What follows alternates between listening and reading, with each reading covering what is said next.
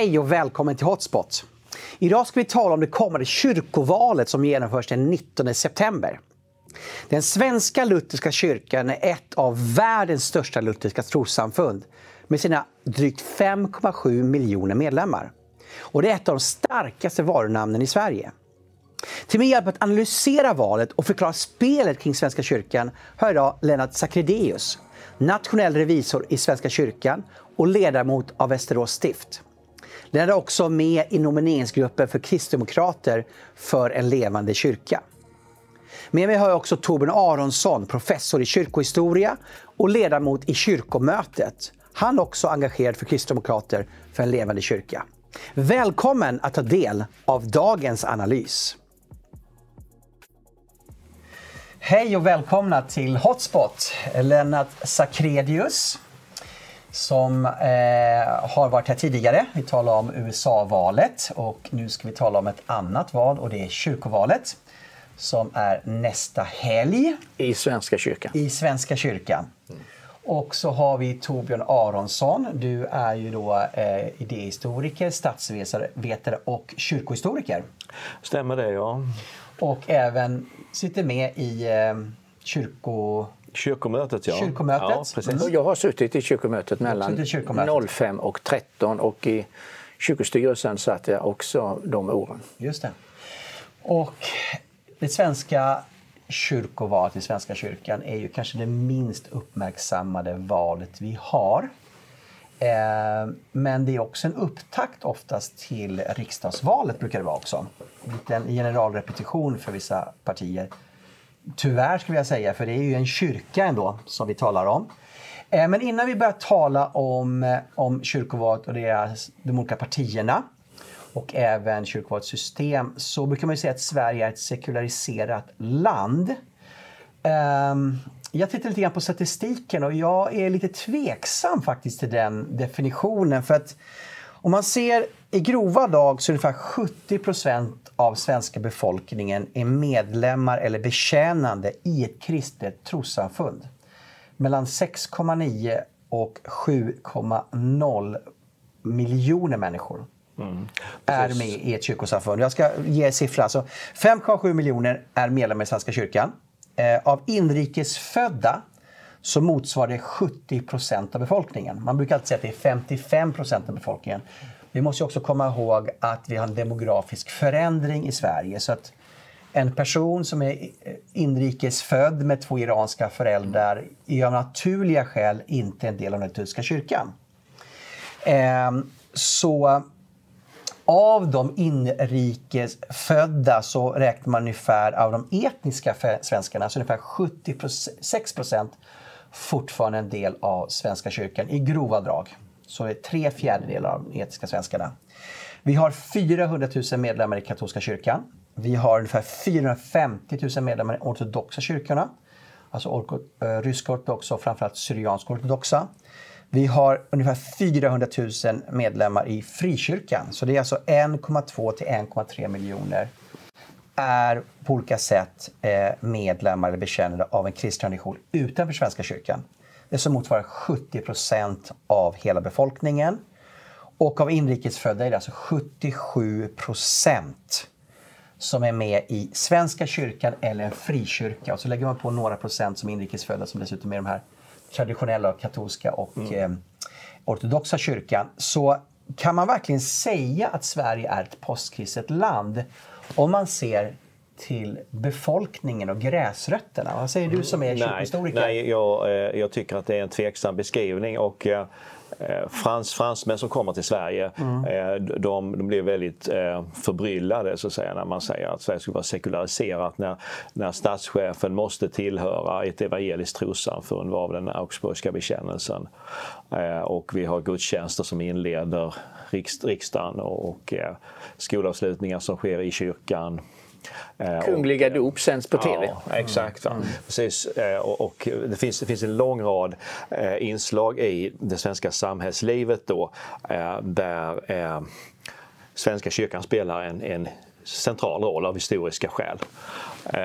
Och jag tror man kan jämföra Svenska kyrkans roll eh, i Sverige med, eh, med evangeliska, kyrkorna, eller evangeliska kyrkorna och katolska kyrkan i Tyskland men också den ortodoxa kyrkan i Ryssland. Eh, så att även om kyrka och stat har bitvis separerat i Sverige så är det ändå som så att det är riksdagen som bestämmer Svenska kyrkans karaktär. Så lagen om Svenska kyrkan som stiftades 1998, den stiftades av riksdagen. Så kyrkomötet, det vill säga Svenska kyrkans högsta beslutande organ, kan inte ändra mm.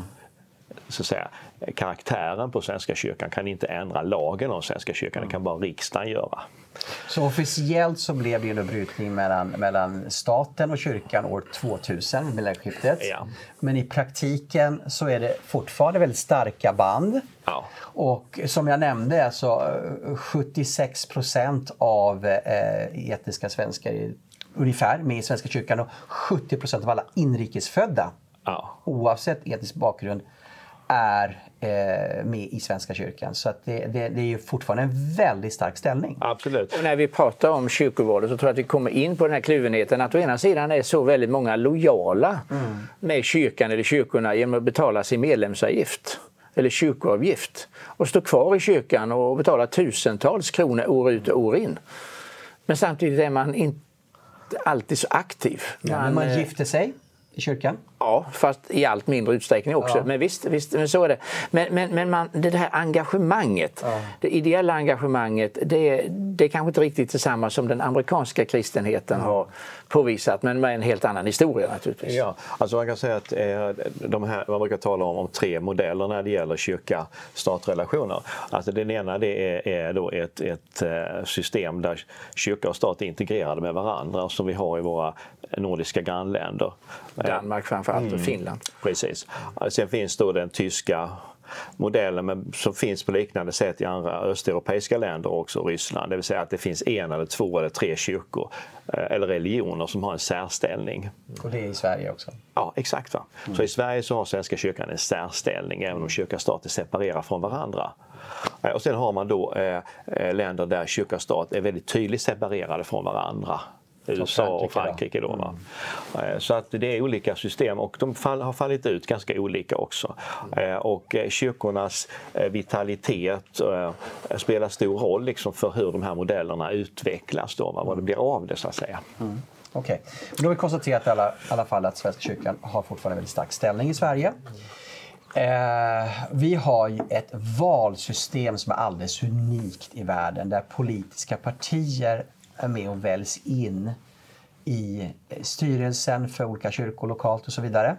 Eh, kan ni förklara bakgrunden till det här valsystemet som är helt unikt i världen? Om jag kan börja ge den ideologiska bakgrunden så kan Torbjörn berätta lite mer om det praktiska. Man kan säga att det speglar den här kluvenheten mellan å ena sidan ha väldigt bred medlemsuppslutning men kanske en mindre kärna som är gudstjänstfirare och som är kyrkligt aktiva. Hur fångar man upp den här breda massan som inte är med så mycket i kyrkan? Och då har de politiska partierna, fast allt färre ska vi ju gå in på efterhand, eh, sett ibland som ett ansvar men också ibland så som en maktpolitiskt spel att fånga upp den stora gruppen som är medlemmar i kyrkan men inte som särskilt aktiva. Och mot detta står ju då att kyrkan borde ledas av de som är mest aktiva i kyrkan och därför har det utvecklats nomineringsgrupper vid sidan om partierna. En del av dem är rötter i partierna, andra helt fristående utifrån en gudstjänstfirande gemenskap. Jag tror att Torbjörn kan utveckla mer hur det rent faktiskt juridiskt gick till. Ja precis, man kan säga att det finns två, eh, två historiska faktorer som har bidragit till det svenska systemet. Då. Det ena det är det faktum att på 1800-talet så hade Svenska kyrkan väldigt svårt att hantera de folkliga väckelserörelserna. Eh, så att de kommer att lämna kyrkan eh, i praktiken, inte i, i juridisk mening. Eh, men vi fick frikyrkor som i princip bestod av medlemmar i Svenska kyrkan men som firade gudstjänst någon annanstans i andra organisationer. Då. Och det gjorde att Svenska kyrkan förlorade mycket av eh, sin gudstjänstfirande församling. För de, nivåerna i början av 1900-talet ja. är ju lika låga som idag? Alltså ett, ja, på vissa håll, i vissa håll så, så, så, var det sämre i början på 1900-talet. Än vad det är nu? Ja, exakt. För att då hade eh, lagar som tvingade eh, då, eh, vissa typer av, av eh, kyrkobesök, nattvardsfirande och så vidare hade avvecklats. Eh, och eh, när det skedde så försvann eh, många gudstjänstfirare och dessutom så växte frikyrkorna, var väldigt, de var väldigt starka då. Va? Så att i Mellansverige framförallt så, så blev Svenska Missionsförbundet, Svenska Baptistsamfundet och andra, de blev de gudstjänstfirande församlingarna på många orter. Samtidigt som vi får flika in att i gammalkyrkliga bygder, man kan ja. tala om exempelvis nordvästra Blekinge eller norra Skåne, där var ju kyrkorna ofta fullsatta långt in på 1900-talet. Det fanns en gammal kyrklig trohet till kyrkan och där fick inte frikyrkligheten Nej. samma genomslag. Så det ser olika ut eh, geografiskt och de här gammalkyrkliga bygderna är idag rejält uttunnade och inte har den gudstjänstfirande storleken. Nej. Exakt, som man Sydsverige brukar man säga det är det kyrkliga fästet i ja. Sverige och det, det, är riktigt norra, norra Sverige. Mm. Eh, Mellansverige, där har vi okyrkligheten och brott mellan kyrka och frikyrka. Då. Eh, den andra faktorn som man ska eh, ha med sig då det är folkrörelse-Sverige. Att Socialdemokraterna men också andra folkrörelser de så småningom eh, blev väldigt starka och då fanns det både socialdemokratiska företrädare men också andra som menade att kyrkan måste återvinna folket till kyrkan genom att man på något vis associerar sig med folkrörelserna. Man tar över deras sätt att fatta beslut, deras värderingar. Då får man tillbaka folket. Eh, så att det är bakgrunden egentligen till att man började diskutera det här med att de politiska partierna skulle få ett allt större inflytande i kyrkan. Därför att de hade sina rötter i olika folkrörelser, arbetarrörelsen, bonderörelsen och så vidare. Idag så kan man säga har folkrörelse-Sverige nästan försvunnit. Eh, arbetarrörelse och bonderörelse och sånt här, är, det finns inte så mycket kvar av det. Men på något vis så lever då det här politiska partisystemet kvar i kyrkan som en slags relik eller eh, en slags historiskt eh, lager på något vis mm. från, från en, en, tid när de var folkrörelsepartier. Då. Man kan komplettera också med att socialdemokratin var tvungen att hantera frågan om relationen till kyrka och kristendom antingen med en ateistisk linje eller en pragmatisk påverkanslinje inom kristenheten och framförallt inom Svenska kyrkan. Och då är det ecklesiastikminister Arthur Engberg, kyrkoministern på 30-talet, som är den stora ideologen. Att han säger att det är bättre att påverka kyrkan inifrån än att försöka få bort kyrkan som bedömdes som eh, ogörligt, åtminstone under överskådlig tid. Och det är då man successivt börjar ändra på kyrkomötet, kyrkans högsta beslutande organ, kyrkans riksdag. Så att det inte bara blir biskopar och präster utan fler och fler lekmän och efterhand blir det majoritet medlemmar och efter reformen 1982 blir det bara i princip lekmän som ska vara där även om präster kan väljas in för partier eller nomineringsgrupper och biskopar inte längre har ens rösträtt. Mm. Men från början var det ju prästvigda biskopar och präster som var kyrkomötet och det hade sin grund också i prästeståndet i fyrståndsriksdagen som försvann 1865-66. Ja. Man kan säga att kyrkomötet eh, från 1868 när det sammanträdde första gången fram till 1949 det bestod av hälften lekmän och hälften präster. Sen hade, fanns biskoparna och dessutom teologiska lärare då från de teologiska fakulteterna och sådär, eh, som kunde sitta i kyrkomötet. Mm. Men sen kan man säga att den socialdemokratiska kyrkopolitiken som har sen stötts av andra partier också har inneburit att man har försökt då trycka tillbaka prästers och biskopars inflytande i tro att man skulle säkra en liberal teologi i kyrkan. För det har varit en, en, ja, förutsättning, en mål. Eller? Absolut, alltså det har varit ett mål i den socialdemokratiska kyrkopolitiken. Och väldigt kort kan man ju flika in här, utan att vi fördjupar oss så mycket kring detta, att i den anglikanska kyrkan i England så har man tre olika hus och de måste fatta gemensamma beslut i deras kyrkomöte. Biskoparnas hus, prästernas hus och lekmännens hus. Om inte de fattar beslut som är identiska i de här tre husen så är det inget beslut. Mm. Och det är biskoparnas teologiska auktoritet och andliga ställning i stiften garanterad, prästernas teologiska utbildning och anknytning till församlingslivet och lekmännen och i samverkan medan man har ett enda hus i kyrkomötet där alla är valda i princip som lekmän men där som sagt präster kan kandidera om de går in i parti eller nomineringsgruppen. Så att Svenska kyrkan är en episkopal kyrka så att man har biskopar som leder stiften och, de har ett pastoralt och läromässigt ansvar för sitt stift som är oberoende av kyrkostyrelsen. Eh, och eh, det, det, har med Svenska kyrkans rötter då i den eh, katolska kyrkan på medeltiden eh, och eh, det är likadant med den anglikanska kyrkan. Mm. Så biskoparna har liksom ansvaret för läran och pastorala frågor. Då. Mm. Och det där är, är, ju en sida av den svenska kyrkan, så det finns två, två sidor av den. En är en, demokra, en slags demokratisk då, folkrörelsepartitradition och den andra det är liksom en, en klassisk katolsk egentligen eh, linje då, där biskoparna har ansvaret för, för läro och, lärofrågor och själavård och prästvigning och sådana saker. Om, vi, om ni ska kort förklara bara. Hur ser valsystemet ut till kyrkovalet? Om jag ska väldigt, likt det vanliga ja, valet som vi har i Sverige? Om jag ska väldigt kort förklara det så är det ofantligt likt. Och en del skulle säga inom kyrkan det är för likt, för det, är, det är i princip likadant. Mm. Det är bara att om du byter ut kommunen mot församling och på nästa nivå så byter du ut det som tidigare hette landsting och numera regioner. Det byter du ut mot stiftsfullmäktige, stiftet. Och på den nationella nivån där vi har ett val till riksdagen så byter du ut det mot ett val till kyrkomötet. Man gör tre val då? Tre val. Mm. Och det är med valsedlar där nomineringsgrupper snedstreck partier beroende på var man har sina rötter har sina valsedlar, kandidaterna i, i, i en listordning, nummerordning. Men du kan kryssa tre kandidater i kyrkovalet, i de allmänna politiska valen en enda. Och du har rösträtt från 16 års ålder, inte från 18 års ålder. Men annars är det precis som de vanliga valen. Ja. Då tänkte jag faktiskt att vi går rakt på sak nu och börjar prata om de olika partierna, eller nomineringsgrupperna som de också heter. Eh, jag tänkte fråga, vilka frågor som de här olika partierna driver som de viktigaste frågor? Och hur de förhåller sig till klassiskt kristet budskap. Och om vi först tittar på de partipolitiskt bundna nomineringsgrupperna, eller vad ni vill kalla dem för, eh, så är det ju Socialdemokraterna, det är Centerpartiet, det är Sverigedemokraterna och så eh, det nya lilla partiet Alternativ för Sverige. Eh, hur skulle du vilja kommentera dem först till att börja med? Man kan säga att, att syftet med eh, valet till kyrkomötet då, mm. det, det, är och, och eh, att man väljer representanter som ska styra och, och, och, och eh, ha ett inflytande i Svenska kyrkan. Det är inte att påverka lärofrågor.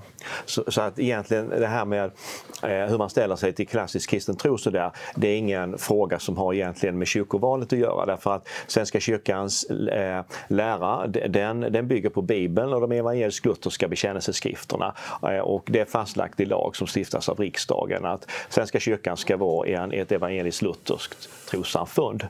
Så det är inget man kan ändra på genom kyrkomötet så att säga. Men sen kan man ju titta på vad vill de här partierna då fokusera på för praktiska frågor inom, inom kyrkan. Och Socialdemokraterna är ju väldigt mycket lyfter fram hbtq-frågor, kvinnans rätt i prästämbetet, de lyfter fram kyrkan som en god arbetsgivare. Men det är kanske väldigt lite om gudstjänstutveckling, kanske nästan ingenting om gudstjänstutveckling, kanske nästan ingenting om att vända medlemstappen, att få ett vitalare församlingsliv. Utan det är kyrkan som arbetsgivare och som står upp för feministiska och hbtq-frågor. Det, det har mycket slagsida åt det hållet, även i församlingsvalen kan man se i olika foldrar. Precis, så etiska frågor de, de kommer in på ett annat sätt än distinkta lärofrågor. Och här finns det ju ett gränssnitt. Då? Mm. Man kommer in på äktenskapsfrågan. Då, finns det här en, en, en överlappning kan man säga mellan lärofrågor och etiska frågor som man, man kan fatta beslut om i, i uh, kyrkomötet exempelvis. Äktenskaps frågor och sådana saker. Och jag kan också berätta att Centerpartiet också kan knyta an till, ja vad står Centern för? Jo det är ett grönt parti, ja, en, kyrkan ska vara grön. Centern som politiskt parti, det ska vara decentraliserat, landsbygden, jo det ska vara nära kyrka, mm. det ska vara hembygdens kyrka, det ska fortfarande vara någon form av folkkyrka. Eh, solceller på församlingslokalerna eller på kyrkotaket och så vidare. Så att man kan se här hur de allmänpolitiska frågorna skvätter över in i vad man står för i de Man talar om närodlad politik ja, i den slogan. Som... Exakt. Då ska det vara nära kyrkan. också. kan man säga att, att det finns ju då eh, det finns vissa, vissa frågor som har med kyrkosyn som slår in. Alltså mm. Alltså både socialdemokrater och center och de nomineringsgrupper som brukar stödja dem. För center och socialdemokrater styr kyrkan idag. I praktiken? I praktiken. Alltså, ja. Då, då är, är det ju som så att synen på biskoparnas roll i kyrkan är en vattendelare. Då, va? Alltså socialdemokrater, center, eh, de som stöder dem, de vill inte ha en biskops kyrkoprästledd kyrka. De vill inte ha en kyrka där prästerna spelar en, eh, eh har en, en, en, direkt roll i hur kyrkan styrs. Utan det har varit en linje i den socialdemokratiska politiken att minska biskoparnas roll, prästernas roll när det gäller styret av kyrkan men också inflytande i samhället. Samtidigt det är mycket motsägelsefullt, så är det så att de dominerande nomineringsgrupperna inom kyrkan som är de här två partierna, Socialdemokraterna och Centern, är mycket tongivande när det gäller val av biskopar. Ja, så biskopsämbetet vill man å ena sidan inte ska ha för mycket makt och inflytande i kyrkan men, men man vill ha rätt biskopar och gärna med biskopar som lutar åt de här politiska partierna till. Därför att när man väljer biskopar så är det lika många lekmän och de har oftast, ofta från partier och andra nomineringsgrupper som det är präster och diakoner som väljer i stiftet vem som ska bli biskop. Mm. Ja. Det var någon som på Twitter som frågade varför går ni ur Svenska kyrkan då? Och då var ju ungefär eh, hälften eh, sa att det är på grund av att jag är ateist och hälften sa att jag tycker att det är för vänsterinriktat. Ingen lyfter fram ekonomiska motiv. Eh, för väldigt det, få. Ja, mm. För det finns ju sajter som gör pengar på faktiskt att mm. människor ska lämna Svenska kyrkan, vilket är paradoxalt. Mm. Ja, men jag tycker att det är intressant. Alltså det speglar nog reaktionerna eh, i relation till Svenska kyrkan. Att, å ena sidan så eh, det har ju funnits en, en, en, eh, en ateistisk grupp i det svenska samhället ända sedan början av 1900-talet, slutet av 1800-talet. Eh, och eh, under lång tid så kunde de inte lämna Svenska kyrkan. Det var först efter, efter 1951 som de kunde gå ur. Utan de var tvungna att gå in i en annan kyrka. Och eh, på något vis efterhand så, så eh, har eh, så säga, ateistiska strömningar har vuxit bland etiska svenskar. Eh, och en naturlig följd av det är naturligtvis att man, man avstår från att döpa sina barn och att vara medlem i kyrkan. Så på ett plan så är det inte så konstigt så att säga. Ofta har det politiska anknytningar också. att ehm, Framförallt på vänstersidan så har det varit vanligare med ateistiska sympatier. Eh, sen eh, är det ju lite eh, är det ju talande då att man tycker att kyrkan har blivit vänsterinriktad bland en del som lämnar kyrkan. Eh, och eh, det är ju ett faktum att kyrkan har blivit det också genom det styre som har funnits i kyrkomöte och de biskopar man har utsett som har engagerat sig i frågor från ett vänsterpolitiskt perspektiv ofta. Mm, mm. Eh, har ni något mer att lägga till ja, Centern, ja. Centern och Socialdemokraterna innan vi går till Sverigedemokraterna? Ja, det är väl att de samarbetar och på mm. ett sätt kan man säga att det förebådar också det samarbetet som vi ser i rikspolitiken. Mm. I kyrkan har det pågått under lång tid. Eh, och nu ser vi det mer och mer också i rikspolitiken. Vi har haft det i Norge i 15 år ungefär. Mm. Sen kan man också säga att, att Sverigedemokraterna de lyfter ju väldigt mycket fram en konservativ kyrka, en traditionell kyrka, en stabil kyrka, en kyrka som var fädernas kyrka och de kallar sig också sitt kyrkoförbund för fädernas kyrka. Så att man lyfter fram att kyrkan ska vara det den alltid har varit. Så att man är, kulturella arvet. Man, ja, ja, kulturella arvet. Man är tydligare menar jag konservativ faktiskt i, i kyrkovalet än, än vad man är faktiskt i de eh, allmänna valen. Ja, precis. Sen, sen har eh, i praktiken så, så, eh, så, tror jag att, att det har varit, eh, om, om man eh, går igenom debatter och diskussioner eh, och beslut i Svenska kyrkan så, så tror jag att Sverigedemokraternas kyrkopolitik har utvecklats så att säga. Att, att man, man har efterhand kunnat utforma ett, ett kyrkopolitiskt program som är mer genom, eh, sammanhållet. Och en fråga man kan ställa är naturligtvis om partiets ställningstagande i olika frågor eh, Eh, då eh, direkt kommer påverka kyrkopolitiken eller om man kan hålla en rågång mellan mm. den typ av politik man bedriver i, i riksdagen eh, och den de ställningstaganden man gör i kyrkomötet. Ja, för man valde ju en liberal linje i abortfrågan ja, från att precis. tidigare haft varit mer fostervänlig linje. Och också äktenskapsfrågor så, ja, så har man blivit liberalare då. Ja. Kommer det här att påverka? Jag menar, säger man att vi, är fär, vi ska ge fäderna kyrkan. Mm. Mm. Eh, det talar ju först om att fäder är viktiga för det första mm. naturligtvis. Men, men också eh, att den traditionella äktenskapsfrågan, eh, det traditionella äktenskapet mellan man och kvinna måste vara någonting som man försvarar då. Va? Annars så är det ju ohållbart att hävda att man har en konservativ, vill ha en konservativ kyrka. Va? Just det. Eh, AFD, eller ja precis. AFS vi, vi, ja, ja, vi vet ju inte om de överhuvudtaget har något större väljarstöd att hämta utan det är väl i så fall att de blir en konkurrent till Sverigedemokraterna mm. och, och tävlar om en, att kyrkan ska vara mest traditionellt fosterländskt, eh, svenskkyrkligt eh, med, med sina mer gamla rötter. Men frågan Ganska är, likt Sverigedemokraternas. Ja, men frågan är, om, eh, frågan är om det finns förutsättningar att kunna ta sverigedemokratiska väljare egentligen. Men vi får väl se. Det. Vi får se. Mm. De, har, de har flera präster som, som företrädare och, och, eh, en del av dem är inte medlemmar i Alternativ för Sverige heller. Mm. Eh, så att det blir, det blir intressant att se hur, hur det här kommer att falla ut så att säga. Och deras försök är ju att på samma sätt som Sverigedemokraterna först etablerade sig i kyrkomötet innan riksdagen försöka göra samma resa så i Alternativ det, för det Sverige. Det är partitaktiska ja. skäl man att, att få ha. möta väljarna och att få en position och att vara synliga i media genom att vara med i ett val där ja. man successivt kan trappa upp sig inom partipolitiken. man ser naturligtvis också att Svenska kyrkan har blivit allt mer vänsterpolitiskt dominerad eh, och politiserad då på olika sätt och att det här spiller över på, på annan politik politik också så vill man rida spärr mot den politik som bedrivs av regering och Centerparti. Så, eh, då behöver man vara engagerad i kyrkan också eftersom Socialdemokraterna och Centern använder i praktiken kyrkan som en maktbas. Så att säga. Det är intressant också att, att både Socialdemokraterna och Centern de är mycket svagare idag. Va? Det här är på något vis eh, ett, ett av deras sista starka fästen och därför försvarar man det också kanske starkare än vad man mm, mm. hade gjort annars. Så kyrkan är idag ett, strid, ett partipolitiskt stridsfält egentligen som ja. förebådar eh, riksdagsvalet. Mm, och, och både Socialdemokraterna som Torbjörn är inne på här och Centerpartiet hade högre väljarandel i kyrkovalet än i förra riksdagsvalet.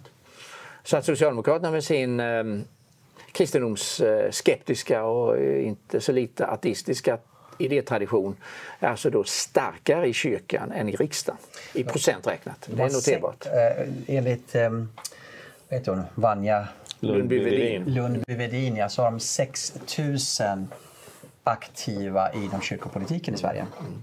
Det är ja, ganska många. Det är ganska många. Sen, sen är det ju så här att, att, när det gäller det socialdemokratiska partiet så har det sjunkit ihop så att säga om man jämför med 20-30 år. Det är betydligt färre medlemmar.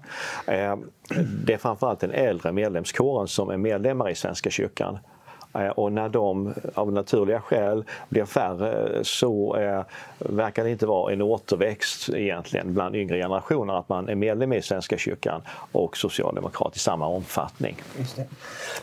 Eh, jag tänkte sen gå in på de tidigare partipolitiskt bundna mm. nomineringsgrupper som inte är partipolitiskt bundna längre. Men de bär ju namnen av sina partier. Vi ett har namn och ett minne. Namn och ett minne. Och vi har ju då Moderaterna som heter idag Borgerligt alternativ. Eh, vi har eh, Liberalerna som heter Fria Liberaler i Svenska kyrkan. FISK, väldigt fyndigt eh, namn. Och vi har Kristdemokrater för en levande kyrka som mest kanske består av frikyrkliga medlemmar, möjligtvis. Ja, det ska vi inte säga, men också det. det också väl, det, okay. ja. Och vi har miljöpartister i Svenska kyrkan och vänstern i Svenska kyrkan. Um, ska vi börja med uh, borgerligt alternativ? Ja, de valde ju ett, ett namn som var lite speciellt. Alltså, det är ju inget kyrkligt namn. Man kan tycka vad man vill om andra nomineringsgrupper med fisk som en kristen symbol eller kristdemokrater för en levande kyrka är ju något programmatiskt men borgerlig alternativ, ja det är någon slags samlingslista som man har velat eh, gå ut med som bild. Att här, om du är kyrklig och du är allmänt borgerlig så kan du vara med i borgerligt alternativ.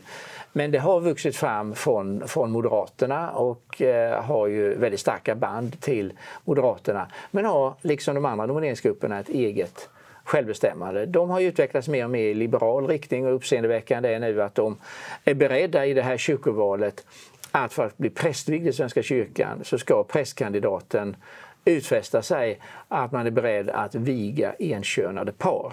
Och det har överhuvudtaget aldrig varit en prästvigningsfråga om man vill specifikt viga det paret eller det paret eller det paret.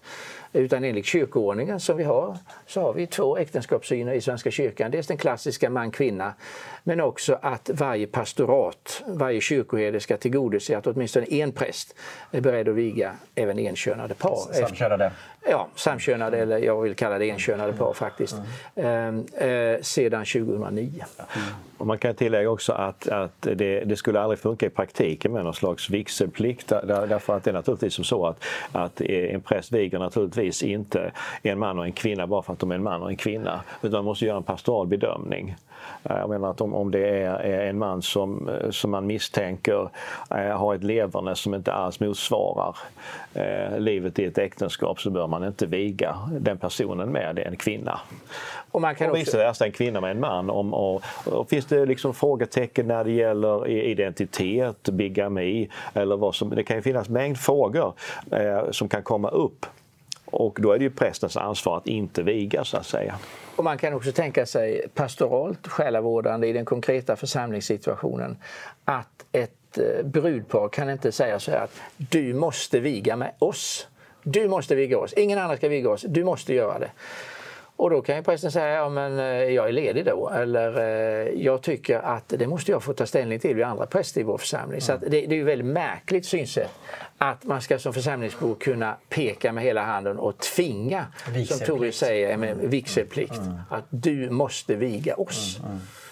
Präster har ju också en egen fri vilja och samvete. Ja, exakt. Och vi har, vi har ju också, eh, när det gäller själavård så finns det ju tystnadsplikt, det är väldigt omgärdat och reglerat och så vidare. Eh, och det bygger på det här personliga pastorala ansvaret. Då, va? Eh, så att, eh, det, det, kan ju inte vara som så heller att, att en präst måste tala om varför han inte vill viga ett par. Men det är uppseendeväckande att borgerligt alternativ har, har, har, ändrat sin position i den här frågan och också utifrån eh, tanken på, på valfrihet eh, inom kyrkan och mångfald inom kyrkan så att man har tagit detta kategoriska ställningstagande. Eh, den frågan kommer då leva vidare som någon slags ny kvinnoprästfråga men jag har ändå väldigt svårt att se att man rent tekniskt teologiskt ska kunna pådyvla präster mm. en vigselplikt. Är det några andra frågor de driver utöver det? Ja, de driver att, lokalförs att lokalförsamlingarna ska vara centrum i kyrkan och det mm. är naturligtvis eh, någonting som det finns fler som delar. Man, man mm. vill eh, att eh, man vill ha en effekt effektiv eh, ekonomihantering och eh, framförallt framför allt att det är lokalförsamlingarnas behov som ska styra eh, hur man utformar kyrkan på riksnivå. Alltså man, man har kritiserat, vilket också andra nomineringsgrupper har gjort, alltså att vi har fått ett kyrkokansli med väldigt många anställda som har uppgifter som inte efterfrågas av lokalförsamlingarna. I Svenska kyrkan så är lokalförsamlingarna den viktigaste enheten.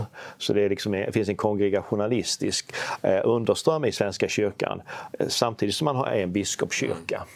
Eh, och då kan man säga att Borgerligt alternativ de har sagt att lokalförsamlingarna är det viktigaste och det betyder också att det som finns ovanpå eh, det finns för att främja. Mm. Och, det, och då är frågan uppbyggnaden av Svenska kyrkan på riksnivå med mängder av anställda i ett kyrkokansli med, där man tar ställning i mer eller mindre politiska frågor. I remissvar. Ja, exakt. Men man kan säga att det finns en stark moderat ådra i en av deras programfrågor det är att hålla nere kyrkoavgiften. Ja. Att det ska vara så effektivt ekonomiskt som möjligt. Och det påminner om Moderaternas skattesänkartradition. Mm, mm, just det. Eh, fria liberaler, FISK, eh, vad präglar dem? Ja, det är, det är ett liberalt. De har varit pådrivande och väldigt pådrivande när det gäller hbtq och enkönade, samkönade par ska få gå och gifta sig också för inne för vigselplikten. En liten grupp i kyrkomötet, ja. de liksom Borgerligt alternativ och Kristdemokraterna för en levande kyrka har, och även delvis Centern, men framförallt de jag nämnde först, har riktigt gått kräftgång de senaste valen och, och minskat ja.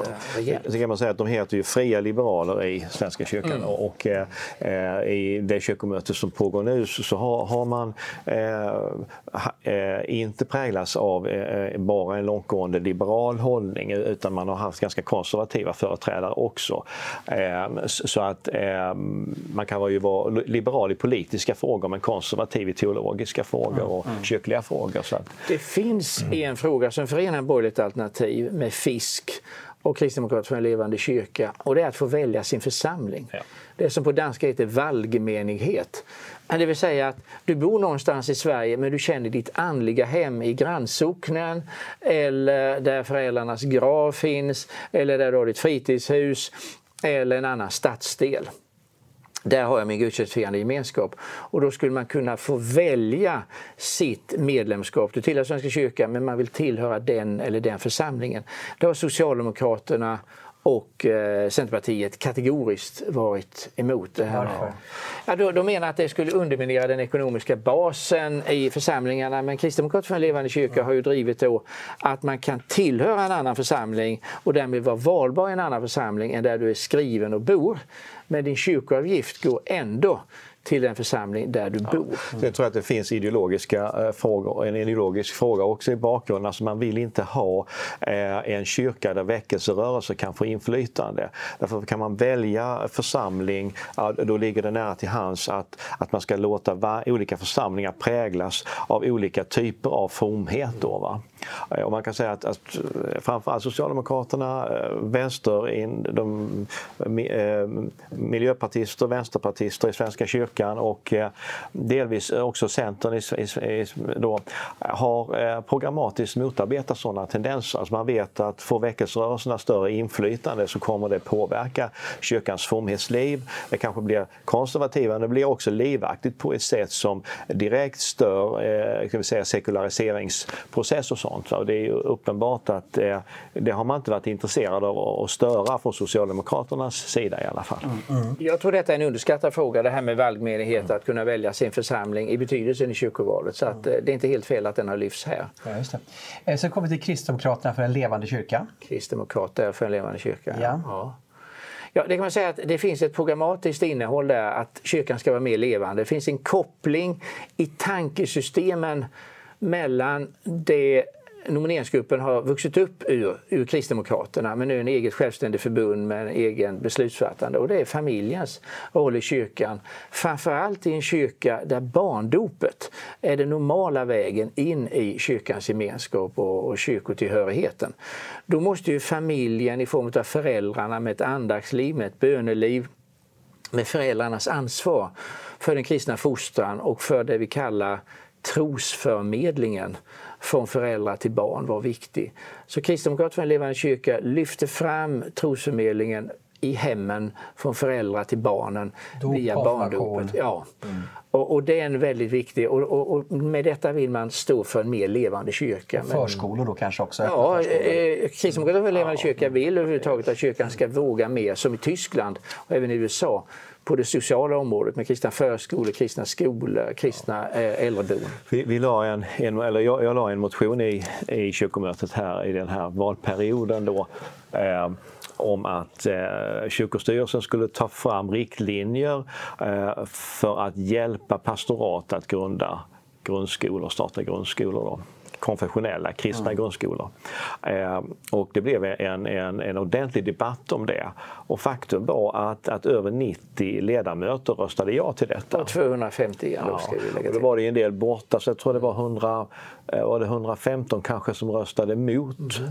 Det betyder att, att det finns en växande grupp i kyrkomötet som vill se kristna grundskolor genom Svenska kyrkan. Det tycker jag det, det, skulle innebära en, en, en förändring av både religiösa och det, det utbildningsmässiga landskapet om det kunde. Mm. Och får jag lägga till det att jag tror det är en oundviklig utveckling inom Svenska kyrkan att hon måste träda in mer på det sociala området. I Skellefteå har man utvecklat trygghetsboende mm. för de äldre därför att kyrkan måste så att säga, nå ut i samhället bättre mm. men också generera intäkter till sina lokaler och för en verksamhet där man betjänar samhället. Mm. Eh, vad jag förstår också så är ju Kristdemokrater för levande kyrka är ju också, vill driva frågan om ekumenik med andra fromhetsrörelser, så andra kristna trossamfund. Ja. Eh, men man får intrycket av att Socialdemokraterna vill mer jobba med religionsdialog gentemot islam. Är det här också en liten vattendelare? Ja, eller? absolut. Det är det. Så man kan säga att, att, att när den Svenska kyrkan tog ställning som man gjorde i äktenskapsfrågan eh, så distanserar man sig ifrån större delen av kristenheten. Alltså det finns ett fåtal protestantiska kyrkor som har liberaliserats när det gäller syn på äktenskapet. Och de är, alla de kännetecknas av ett minskande medlemsantal eh, och eh, de skapar problem i ekumeniska relationer. Det blir svårare att samverka med andra kyrkor.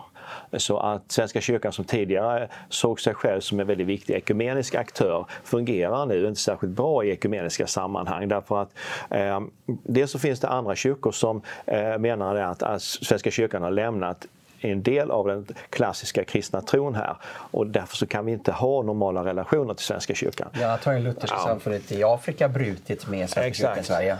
Precis, med Canisius-kyrkan. Mm. Etiopien. Ja. Som är världens största lutherska samfund. Just det, och grundad av EFS-missionärer ja, på den evangeliska fosterlandsstiftelsen. Får jag lägga till här med ja. ekumeniken att ekumeniken är tvåfaldig. Mm. Torbjörn har beskrivit väldigt bra att Svenska kyrkan har tappat sin roll som en brobyggarkyrka som hon hade historiskt. Vi kan tänka oss Nathan Söderblom, det stora ekumeniska mötet i Stockholm 1925. Men det handlar också om den inomkyrkliga ekumeniken. Att olika fromhetstraditioner blir bekräftade och får utrymme och plats yeah. i den svenska kyrkan. Och det kan man kalla för en inomkyrklig ekumenik. Och där har då för Kristdemokraterna en levande kyrka detta var viktigt, både med den yttre ekumeniken med andra kyrkor, bland annat frikyrkorna, men också att fromhetstraditioner i en mångfald ges utrymme och bekräftas som likvärdiga inom kyrkan.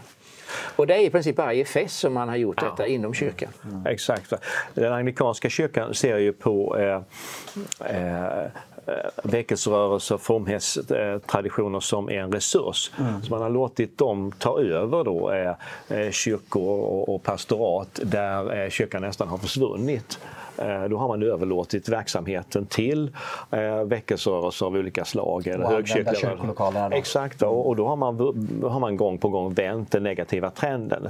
Så att när du får kyrkor som präglas av en specifik fromhet, du får människor som är engagerade i det, motiverade av det, ja, då leder det fram till att de tar med sig människor till kyrkan, det kyrkliga livet utvecklas och så vidare och, och eh, kyrkan växer. Då. Och när du säger fromhetstradition, då menar du alltså andra kristna uttryck? Ja, exakt, alltså att i, i Sverige i Svenska kyrkan idag så har vi... högkyrkliga. Mm. I Svenska kyrkan så har vi både lågkyrkliga väckelserörelser med rötter i 1800-talet, EFS och Bibeltrogna vänner och Lästadianerna.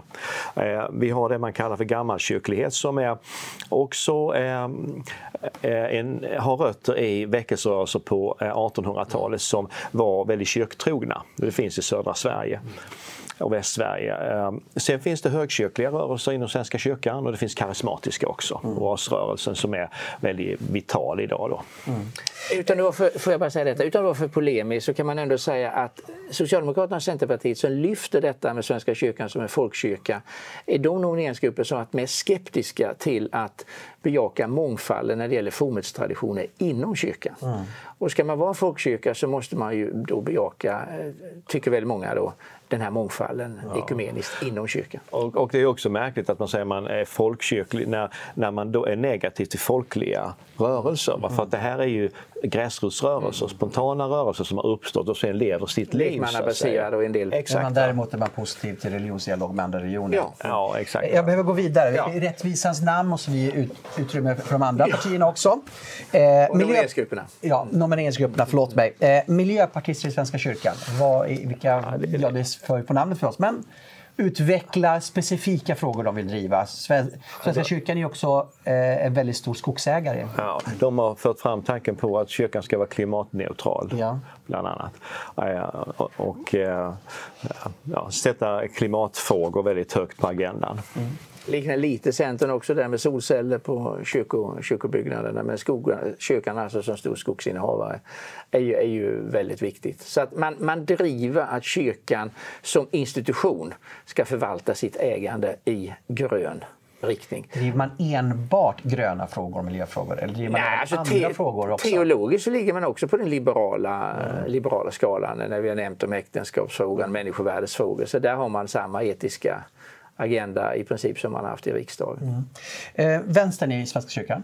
Ja, det är, ingen, det är väldigt liten skillnad mellan vänster, socialdemokrater, miljöpartister och det man kallar för öppen kyrka som är en opolitisk nomineringsgrupp. Men, Jag tänkte komma till eh, dem sen alldeles strax. Exakt. Vi kommer det till här dem. är liksom ett slags vänsterblock i, Ja. i kyrkan. De, de har samma uppfattningar. Och, eh, idag så är det här med hbtqi-agendan i bred bemärkelse något som förenar dem. Eh, men det finns också lite motsättningar. Ja, eh, eh, det är som så att Kyrkomötet får eh, varje år en jämställdhetsskrivelse från kyrkostyrelsen och det har drivits av Socialdemokraterna framför allt. Eh, Men i takt med att hbtqi-frågor dykit upp så blir det problem med det. Därför att Skrivelsen bygger på två kön. Vad ska man göra då? Alltså det, jag, jag var med i en debatt där man hävdade att eh, vi måste liksom eh, vara mer inkluderade. Vi kan inte ha tvåkönsnormen. Va? Vi, må, vi måste ha med de andra. Men problemet är ju att, att du kan inte bygga någon statistik på hbtqi plus man och kvinna. Va? Det funkar inte. Eh, utan det, eh, det bygger ytterst sett på faktiskt att vi har personnummersystem och naturligtvis ytterst sett en teologisk motivering av det man kallar tvåkönsnormen. Då. Skapelseordning. Skapelseordningen. Men, men det här är någonting som mer och mer trycker på och kommer in i alla möjliga frågor. Va? Eh, Så att det är ju en del av på något vis eh, sekulariseringsprocess och, och, och po- partipolitiskt agerande i kyrkan. Ja. Man kan När lägga- jag läste igenom valprogrammen eh, så kunde jag se en grupp av, av partier, eller nomineringsgrupper, som drev i princip exakt samma frågor. HBTQ, I plus och eh, miljö. Så det var, det var, liksom, det var, det var ju nästan karbonpapper på, Ja. på dem. Och så hade vi de andra som drev lite olika frågor men ja, lite mer eh, vad ska jag säga, bibelklassiska frågor. Och många gånger motiverar man sitt deltagande i kyrkovalen. För man ska komma ihåg att miljöpartister i Svenska kyrkan och vänstern i Svenska kyrkan är nya nomineringsgrupper relativt sett. Eh, På det gamla århundradet så fanns de inte med i de kyrkliga valen överhuvudtaget. Men man, man är med därför att man menar att ja, men kyrkan måste man engagera sig i för hon finns. Och hon är stor och då måste man påverka henne. Det är inte utifrån hennes innehåll utan det är utifrån hennes existens och storlek som samhällsaktör som det är viktigt att invärtes inom kyrkan påverka. Och det motiverar man sitt deltagande på det sättet. Eh, Jag tänkte komma på de partipolitiskt obundna grupperna. Det är fyra stycken. Det är då påsk, partipolitiskt obunden i Svenska kyrkan. Frimodig kyrka, öppen kyrka, kyrka för alla och himmel och jord, också tidigare kallad gröna kristna. Skulle vilja kort eh, eh, beskriva de här partierna och vad de vill. Kan vi ta den sista eh, först eftersom Ja. det är den minsta, minsta gruppen. Det kan man säga är ju människor som har värderingar som är Miljöpartiet nära. Men Himmel inte och jord, gröna ja, himmel jord. Men- För de ville kalla sig gröna kristna men det tilläts inte därför det var för nära Miljöpartiet. Eh, ja. Så att de vill stå för miljöfrågorna fullt ut utan att ha någon partipolitisk anknytning i sitt, i sitt namn. Men de andra tre kan man historiskt säga att det är påsk med O, POSK, partipolitiskt obundna Svenska kyrkan, som sprack eh, inför kyrkovalet 2005 i synen i Göteborgs stift på en del präster som inte var för kvinnans rätt i prästämbetet. Och då en liberal gren bildades som hette Öka, en öppen kyrka, en kyrka för alla och en mer eh, traditionell teologisk värdekonservativ gren, frimodig kyrka, som ville mer betona ett bibliskt sammanhållet program. Medan den mittengrupp som blir kvar, som är påsk idag, den förenas i huvudsak att man inte är med i ett politiskt parti eller inte stöder att politiska partier är med. Och det gör att den är väldigt bred. Men man förenas också kring en negation, att man inte är med i något politiskt parti. Så att öka, som är här Socialdemokraterna, och Frimodig kyrka som har en egen tydlig teologisk linje, de är mycket mer tydliga i sina valbudskap än påsk som är en bred mm. kyrka. Det har blivit det är en märklig sak med, med kyrkomötet för det är det mest vi, vi talar om här och det är det också som valet mest handlar om. Alltså jag tror att det är 50 procent av eh, valen till pastorat så har man inga eh, nomineringsgrupper utan man har en samlingslista istället. Så att på lokal nivå så, så betyder det här partipolitiska eh, mycket, mycket mindre. Eh, men det märkliga är att kyrkomötet har blivit mer och mer präglat av eh, präster och personer med teologisk utbildning. Så trots att det är egentligen bara lekmän som sitter där, de är valda som lekmän, så är det en allt större procentandel som är präster, anställda i Svenska kyrkan eh, eller personer med någon form av teologisk utbildning. Eller kömedlemmar. Körmedlemmar också naturligtvis. Men, men eh, det intressanta är ändå att, eh, att det här är fallet. Och för påsk så eh, innebär det att väldigt många som ställer upp för påsk, de är anställda i Svenska kyrkan. Så ibland så kallar man påsk för, för de anställdas nomineringsgrupp så att säga. Mm. Och i kyrkomötet, det är den näst största nomineringsgruppen idag. Det var tidigare Centerpartiet och Moderaterna har också ibland tävlat om posten i borgerligt alternativ som näst största men har sjunkit tillbaka rejält. Men som näst största nomineringsgrupp Eh, Eh, i kyrkomötet är påsk inte sällan en stor grupp som röstar ja i en fråga, en annan grupp röstar nej och kanske en mindre grupp inom den röstar eh, avstår. Så det, det, är väldigt brett spännvidd och de strävar inte efter att hitta en gemensam linje utan ser sig mer i kyrkomötet som individer mm. som framträder. Även om de naturligtvis diskuterar saker och ting som grupp så har man inte denna sammanhållning och homogenitet som många andra nomineringsgrupper mm. som strävar efter att rösta likartat. Jag tänkte strax gå in på frågor allmänt kring Svenska kyrkan och utveckling. Men innan jag gör det, har ni någonting att komplettera kring kyrkovalet och partierna som ni själva kommer på innan vi, innan vi går vidare här? Ja, jag kan säga att det finns en enorm mångfald. Och jag tror att den här mångfalden speglas utav att allt fler grupper i svenska samhället inser eller tycker att man kan inte lämna kyrkovalet åt sig självt. Och när vi säger då att det här är det bortglömda valet så var det ändå trots allt nästan en miljon som röstade för fyra år sedan. Och valdeltagandet ökade då från 13 till uppemot 19,5 procent. Och i relativa termer så innebär det att det ökade med 50 procent faktiskt. Alltså det blir ju 50 procent fler som röstade. Så att medan kyrkans statistik och medlemstal pekar neråt så ökar valdeltagandet i kyrkovalen och har gjort så ett par val i rad. Förra gången ett rejält hopp.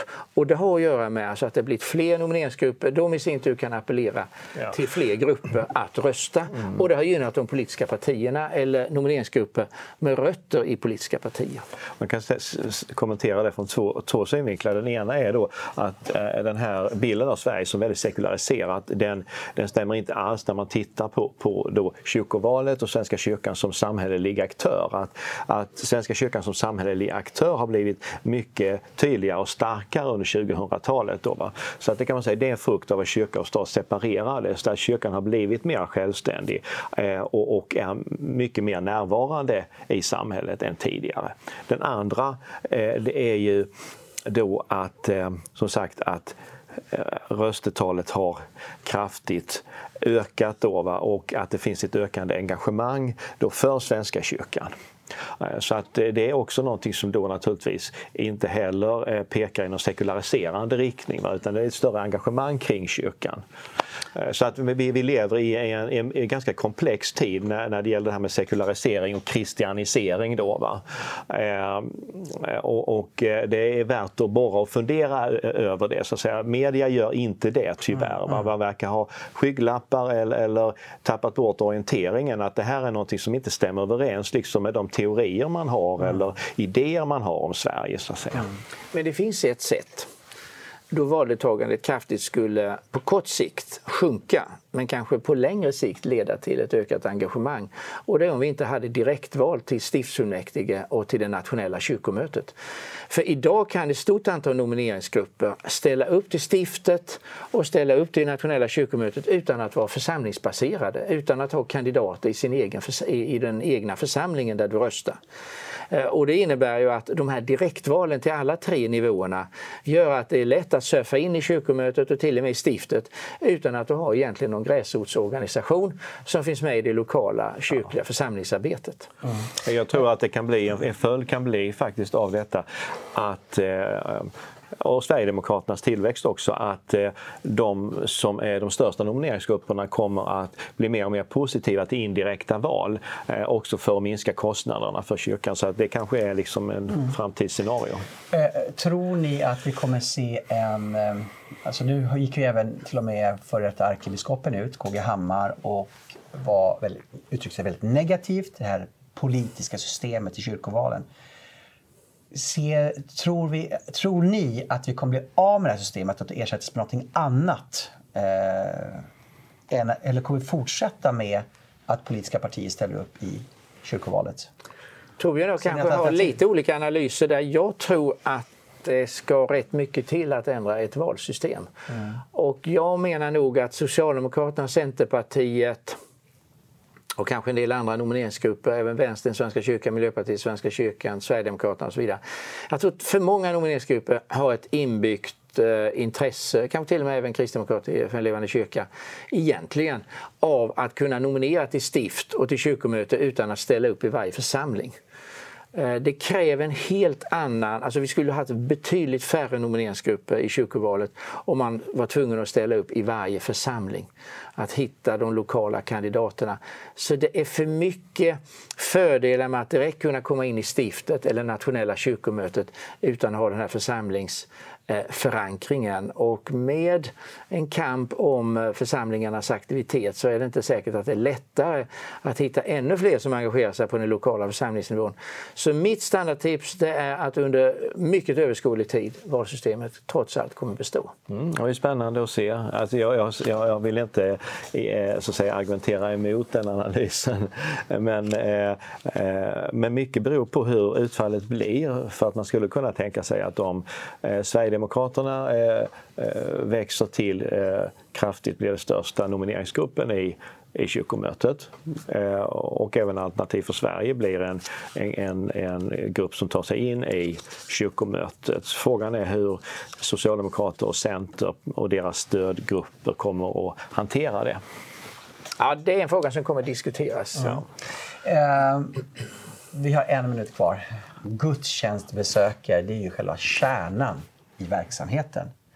Vad ser ni för trend kring det och vad skulle kunna vända det till ökat antal gudstjänstbesökare? Ja. Om jag vill säga något väldigt kort eftersom vi har så ont om tid. Jag tycker att hela kyrkovalet borde handla om mer energi, mer vilja, mer engagemang för att få mer levande församlingar. Att vända den negativa utveckling vi har när det gäller medlemstal, dop och så vidare Eh, att det vi skulle se att vi vill varandra väl och vi vill kyrkan väl och inte i första hand se oss som motståndare och konkurrenter i ett kyrkoval utan att vi gemensamt vill henne och tron på Jesus Kristus allt gott. Och Sätter väl. kyrkan först. Ja, och evangeliet. Mm. Man kan säga att det är en, en, strukturell fråga där det är kunskaperna i kristen tro, att de har försvagats så kraftigt. Och, eh, Svenska kyrkans gudstjänstliv och, och mycket av, av det kyrkliga livet det bygger på att man har grundläggande kunskaper i Bibeln, mm. eh, kunskaper om eh, Svenska kyrkans tro och så vidare. Och då behöver man ha en grundläggande kristendomsundervisning i landet. Eh, konfirmationsundervisningen måste bli mycket starkare och förmodligen blir det här med kristna grundskolor också någonting som kommer att krävas om Svenska kyrkan på sikt ska kunna återhämta sig när det gäller gudstjänstdeltagande. En kristendomsskola i varje församling, mm. det vore ett mål och skriva in i kyrkoordningen som ett krav. Precis. Mm. Bra, du avslutar med det ordet. Så får ni driva den frågan. Yeah. Tack så jättemycket Lennart och Torbjörn. Och ni är nog välkomna tillbaka till något annan valanalys. Och du, eh, Lennart, ska ju vara med och eh, också kommentera det tyska valet. Stämmer. tack så jättemycket du som har lyssnat på oss här idag kring eh, gästernas kommentarer kring eh, valet i Svenska kyrkan. Och nästa helg så vet vi hur det har gått. Och välkommen tillbaks till nya program med Hotspot nästa lördag. Tack så mycket!